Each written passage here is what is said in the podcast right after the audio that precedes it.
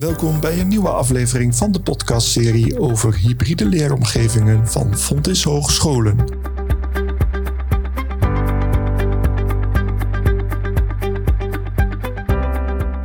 De samenwerking met de beroepspraktijk vanuit het beroepsonderwijs op MBO en HBO-niveau staat in deze podcastserie centraal. We kijken naar verschillende aspecten die de aansluiting op de arbeidsmarkt kunnen verbeteren. Denk bijvoorbeeld aan het verbeteren van harde skills, maar denk ook aan soft skills, zoals samenwerken. We gaan ook op zoek naar alle randvoorwaarden die deze aansluiting zouden kunnen verbeteren. Een hybride leeromgeving is een omgeving waar studenten, docenten en het werkveld elkaar ontmoeten. Dat kan zowel fysiek als digitaal. In zo'n leeromgeving gaan zij samen leren, werken en onderzoeken. Daarbij staan vraagstukken centraal die in de praktijk actueel en relevant zijn. In deze aflevering kan je luisteren naar Erdinç Sachan. Hij is docent bij Fontis ICT in Eindhoven. Hij is tevens verbonden aan het Prectoraat Interactieve Technologie. Denk bij interactieve technologie aan virtual reality en augmented reality.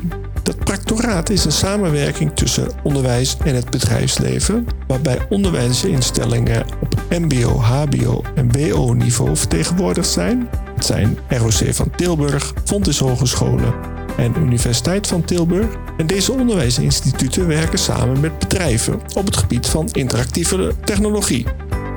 Deze podcast is mogelijk gemaakt door Fontis programma Hybride Leeromgevingen. Mijn naam is Ronald Scheer en ik wens je veel plezier bij het luisteren naar mijn gesprek met Erdinç Sachan. Erdinç, voor wie jou niet kent, zou je kort kunnen vertellen wie je bent en wat je doet? Mijn naam is uh, dus net genoemd, Erdinç Sachan. Ik ben 41 jaar, woonachtig in Zertogenbos, docent bij Fontes Hogeschool ICT. Daarnaast ben ik sinds de zomer voor één dag in de week gedetacheerd aan ROC Tilburg als practor. Dat is een term die niet bekend is bij veel mensen. Maar een practor is een soort lector voor eh, wat een hogeschool is, is dat voor een MBO. We hebben nu in Nederland 60 practoren.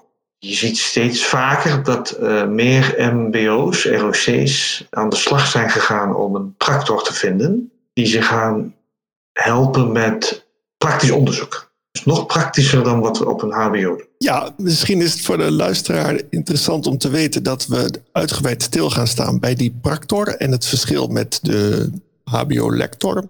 En we gaan vooral ook stilstaan bij een aantal interessante projecten die je doet. Volgens mij ben je ook betrokken bij Mind Labs. Dat, daar hoort hij bij, ja. Ah, kijk. Ik zit onder ROC Tilburg, maar de kopgroep interactieve technologie, waar mijn doctoraat onder valt, dat is een samenwerking met Mindlabs. Ik zit ook in het gebouw van Mindlabs. Wellicht kan je eens uitleggen wat je doet binnen Fontes Hogeschool voor ICT en hoe dat samenhangt met jouw werk voor het practoraat en het ROC van Tilburg. Ik zit dus bij Fontes Hogeschool ICT, ongeveer uh, tien jaar nu. En ik zit bij team ICT en Business. We hebben een aantal teams, ICT Media Design, ICT Software Engineering, ICT Technology, infrastructuur en we hebben ook specialisaties.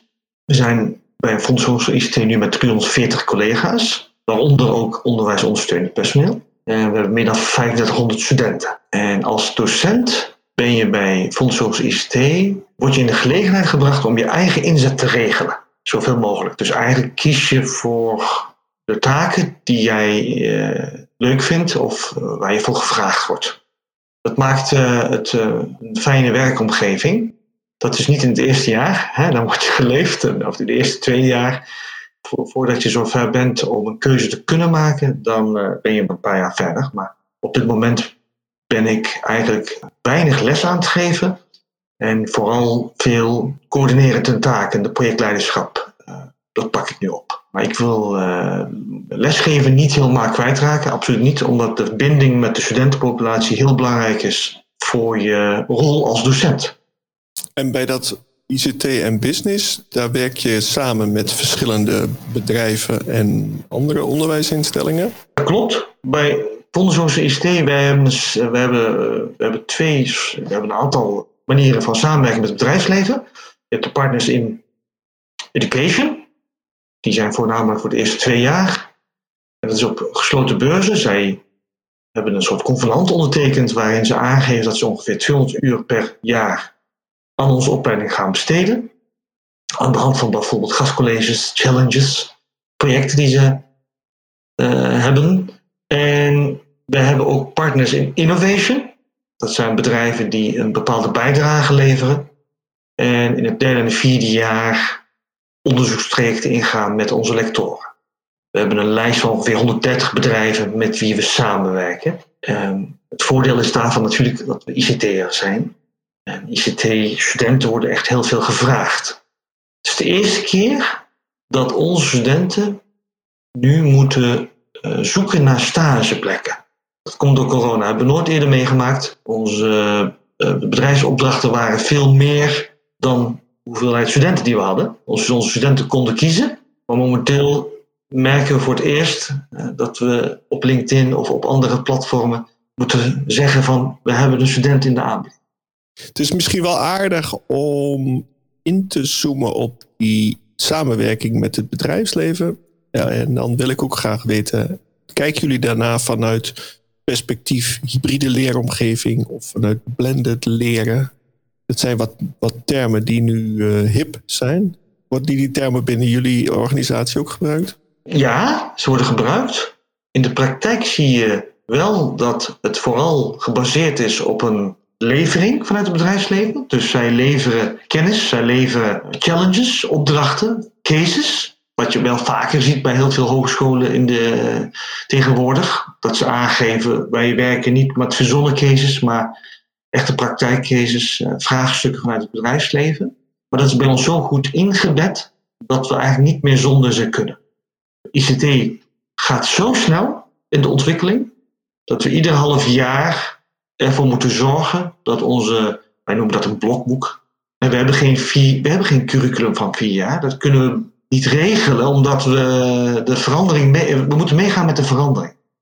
Dus wij kunnen ieder half jaar aanpassingen doen. Als quantum computing of blockchain wordt gelanceerd en je ziet dat het bedrijfsleven daarmee bezig is, dan kunnen we daar meteen op inspelen. Dus onze ehm, flexibiliteit is wel heel uh, sterk. Dat hebben we ook gemerkt bij eh, online lesgeven.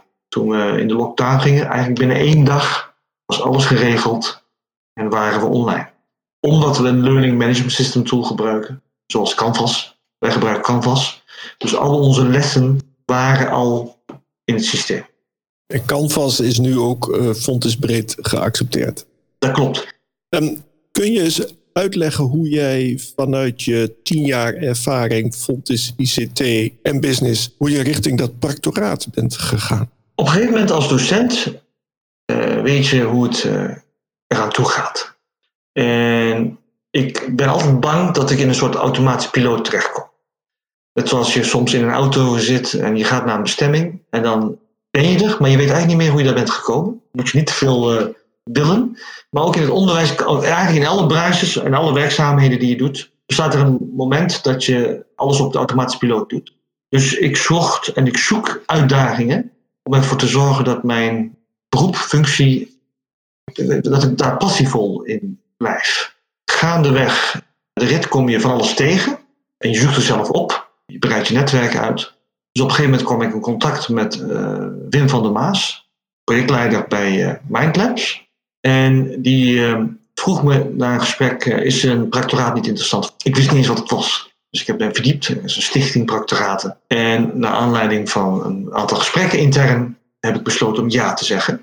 Ik ben nog formeel geen practor, want we hebben een aanvraag ingediend. Het duurt ongeveer negen maanden voordat het uh, rond is. Maar ik ben nu al uh, iedere dinsdag bezig met een groep van acht docenten waarbij we aan de slag gaan met interactieve technologie. Ik denk dat de meeste luisteraars niet weten uh, wat een practoraat al is, wat een practor doet. Dus misschien kun je daar eens wat meer over vertellen.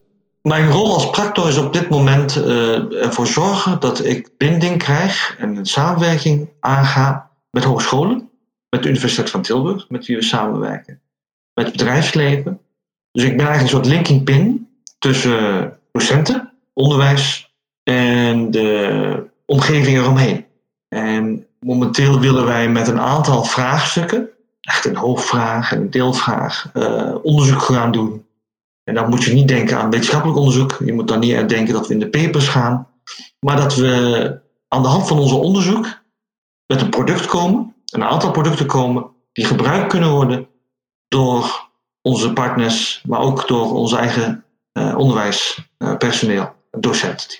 Uh, het is ook zoeken nu op dit moment waar we terecht gaan komen. Maar uh, de titel is dus Practoraat Interactieve Technologie. Maar interactieve technologie is zeer breed. Dus je kunt daar eigenlijk niet alleen maar VR en AR aankoppelen, maar je kunt ook robotisering, gaming, maar ook AI aankoppelen. Lekker breed.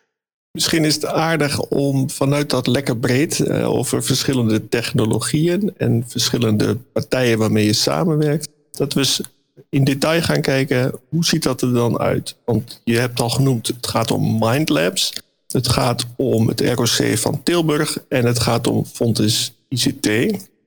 En de Universiteit van Tilburg. En de Universiteit van Tilburg. Misschien is het aardig dat je eens een aantal projectnamen en projectbeschrijvingen kunt noemen. Liefst ook met wat namen van mensen die erbij betrokken zijn. Liefst ook van wat bedrijven en namen die erbij betrokken zijn. Zodat de luisteraar zich een beeld kan vormen bij de eerste stappen die je nu aan het zetten bent. En dan begrijpt iedereen dat je nog heel erg zoekende bent, dat het nieuw is en dat het over een half jaar waarschijnlijk allemaal heel anders eruit zal zien. Eén praktisch voorbeeld wil ik hierbij noemen is uh, collega Kees. Uh, is bezig met uh, beveiliging en veiligheid. En die heeft met 360 graden video's, films, heeft hij een soort VR-omgeving gebouwd. Met een student van Fonds Hogeschool ICT. Dus we proberen ook de studenten bij te betrekken. Waarin scenario's te pas komen. Die studenten die met beveiliging bezig zijn, kunnen gebruiken om uh, te testen. Om bijvoorbeeld te kijken van, hey, in een, bij een agressieve persoon als ik A doe, wat gebeurt er dan? En als ik B doe, wat gebeurt er dan? En dat doen we dus met 360 graden films en een VR-bril. En dat, daar werken we samen met het bedrijf Vector. En Vector is een bedrijf die uh, gespecialiseerd is in uh, VR en AR. Die, die, die hebben ons geholpen met hun tooling. Vector, zeg je? Ja, F-E-C-T-A-R. Eugene Kuipers is de oprichter van uh, Vector. En die is bij ons geweest om gastcollege te geven. Die heeft onze docenten geholpen met de eerste stappen. Maar we, we, zijn maar twee maanden verder, hè? dus uh, ieder, ieder docent is nu bezig met VR, AR, om te kijken of, we, of ze hun onderwijs uh, leuker, intensiever, leerzamer kunnen maken voor de, voor de studenten. Je hebt nu één project genoemd. Kun je nog eens een tweede project noemen? Vinden de luisteraars vast heel erg leuk. Een ander project is van bijvoorbeeld collega Tim Wals, die werkt bij Automotive bij ROC Tilburg als docent. En die eh, heeft eh, aan de hand van augmented reality ervoor gezorgd dat studenten zelfstandig eh, banden kunnen wisselen en uitlijnen. dat moeten ze leren. Normaal gesproken doen ze dat met een docent, maar nu kunnen ze met hun eigen device, met hun iPad of telefoon, aan de hand van AR in een omgeving heel snel leren hoe ze een band moeten uitlijnen. Een ander project is van Joyce Razenberg. Zij is eh, betrokken bij een opleiding waarin opticiens worden opgeleid. Ze wilde eerst een game maken, zodat opticiens het een en ander leren. Maar nu willen ze eigenlijk een uh, oog, een virtueel oog, willen ze uh, showen, zodat studenten daar uh, de ogen en de ogen kunnen draaien en heen kunnen gaan. En het ziet er, het lijkt een beetje luguber, maar het is eigenlijk heel mooi. Net zoals wat de medische sector ook gebruikt zodat ze heel snel kunnen zien hoe een oogbol eruit ziet en hoe een oog werkt. Hele praktische toepassingen. En wat we nu willen, dat is mijn taak, eigenlijk de belangrijkste taak, is een rode lijn vinden van al die praktische toepassingen. Dus waar zijn we echt mee bezig? Dat uh, moeten we nog uh, uitvinden. Ik zie de voordelen voor het ROC van Tilburg. Ik zie de voordelen van eh, de bedrijven waarmee je samenwerkt. Als je dan kijkt naar het perspectief van hogescholen, is dan een voordeel dat bijvoorbeeld de doorstroom van MBO naar HBO wordt bevorderd? Of gaat het meer om de kennisoverdracht? Wat zijn de redenen? Allerlei redenen waarmee uh, wij, uh, wij noemen het een trojka. We willen eigenlijk eh, ROC Tilburg, HBO en de universiteit beter met elkaar laten samenwerken. We hebben ook twee wekelijks contact met lectoren en een hoogleraar, Max Lauwersen van de Universiteit van Tilburg. waarmee we bijvoorbeeld projecten binnen willen halen.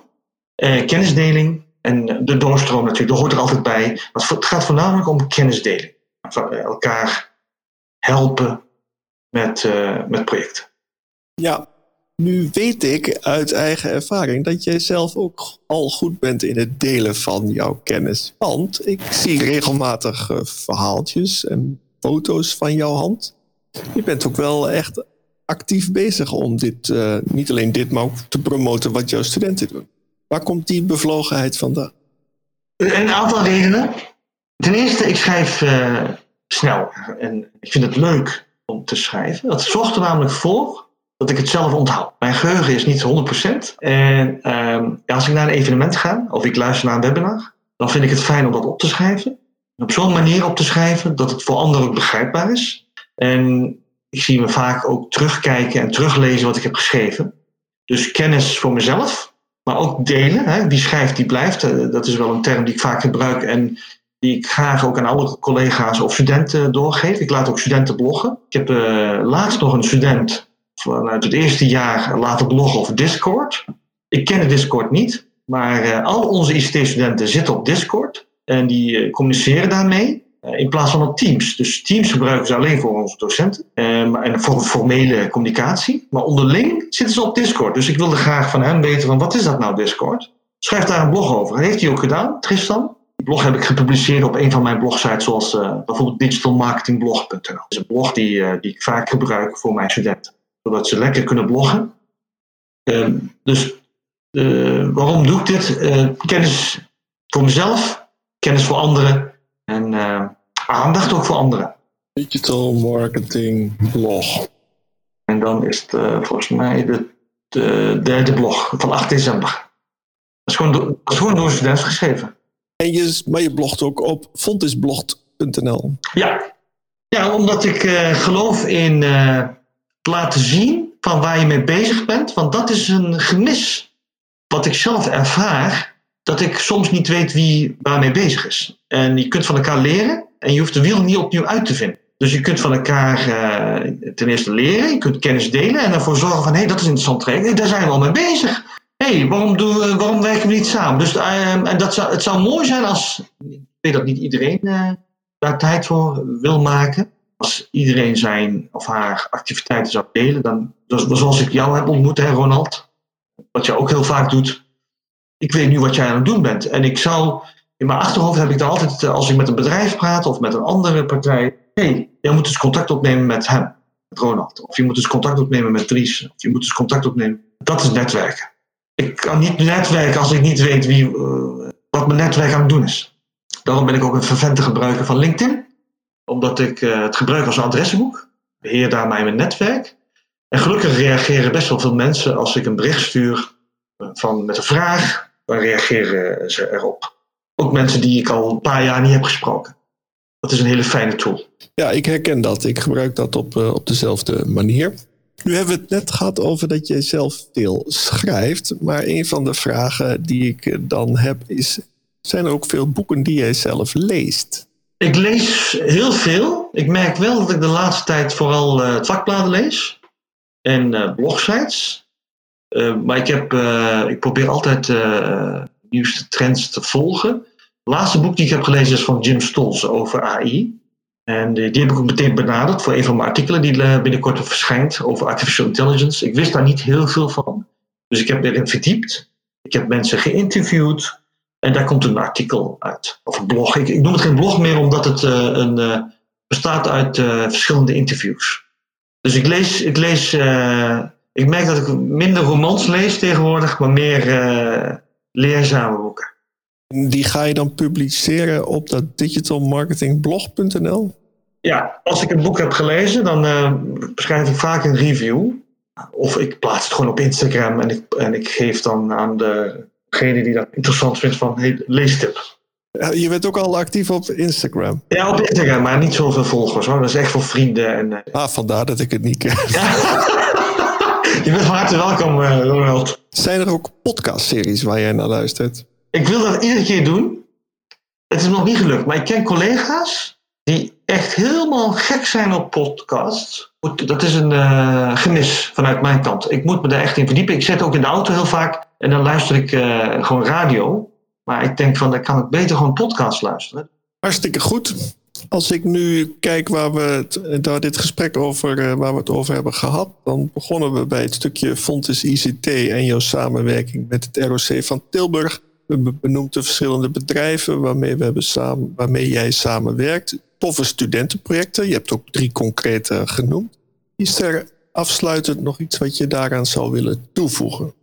Een hele mooie vraag. Ik hoop en ik verwacht dat we uit onze kokers gaan en dat we als Fontis, docenten, maar ook andere hogescholen, veel meer moeten willen samenwerken. Ik merk zelfs bij bijvoorbeeld een vakgebied als marketing, dat bijna ieder instituut bij Fontis doet, dat iedereen dit voor zichzelf doet. En de kennisdeling, dat is er niet. En, uh, of dat is alleen maar bijvoorbeeld tussen jou en mij, of tussen een aantal andere collega's. Dus mijn hoop is en mijn, uh, dat, we, dat we steeds meer met elkaar uh, gaan samenwerken. Afsluitend, Erdins, wil ik jou hartelijk bedanken voor dit gesprek. Graag gedaan. Ik vond het heel fijn. Heel erg bedankt voor je tijd.